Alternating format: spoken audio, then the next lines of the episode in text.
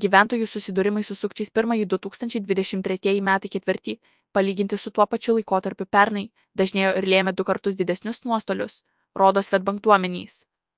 Tačiau banko saugumo specialistams pavyko laiku sustabdyti mokėjimus ir klientams įsaugoti už patirtus nuostolius didesnę sumą.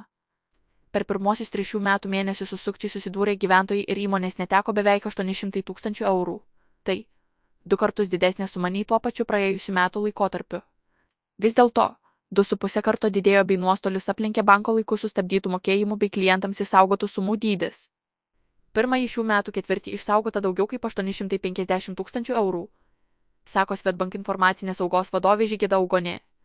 Pasak Žiaugonės, sėkmė išsaugant sukčių bandoma išvilioti finansinį turtą lemia tiek tobulėjančios banko sistemos, kurios leidžia vis greičiau pastebėti netipinę klientų elgseną, tiek ir pačių gyventojų samoningumas, supratę, kad galimai pateko į sukčių pinklės jie dažniau ir greičiau yra linkę apie tai pranešti.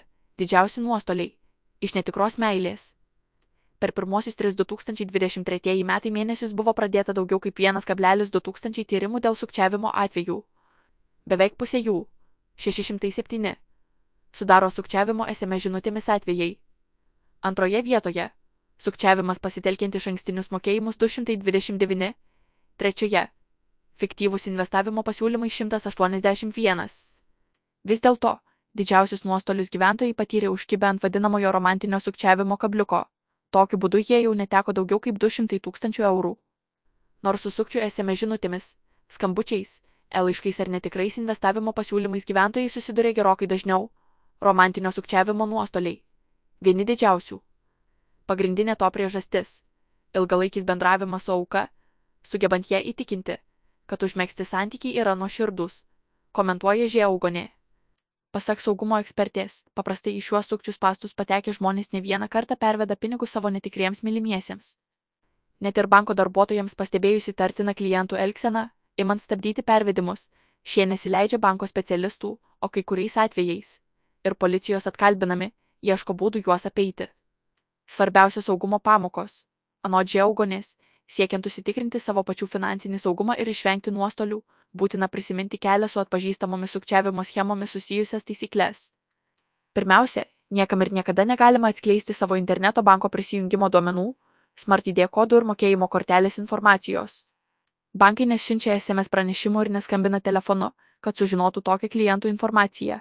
Taip pat nevalia suvesti asmeninių duomenų į SMS žinutę, L pašto ar bendravimo programėlėje gautas nuorodas. Tai gali būti virusas arba bandymas išvilioti jautrius duomenis, pabrėžė Žiaugonė. Pasak Žiaugonės, sulaukus įtartino skambučio ar žinutės, jei kyla nerimas, protingiausia būtų patiems susisiekti su banko oficialiais kontaktais ir pasiteirauti apie situaciją. Nemaža dalis nukenčia ir nuo sukčiavimo pasitelkinti iš ankstinius mokėjimus. Tai tokios situacijos, kuomet žmonės susigundo pirkti iš nežinomų pardavėjų, tačiau norimos prekės nesulaukia arba gauna menkavertį jos pakaitalą.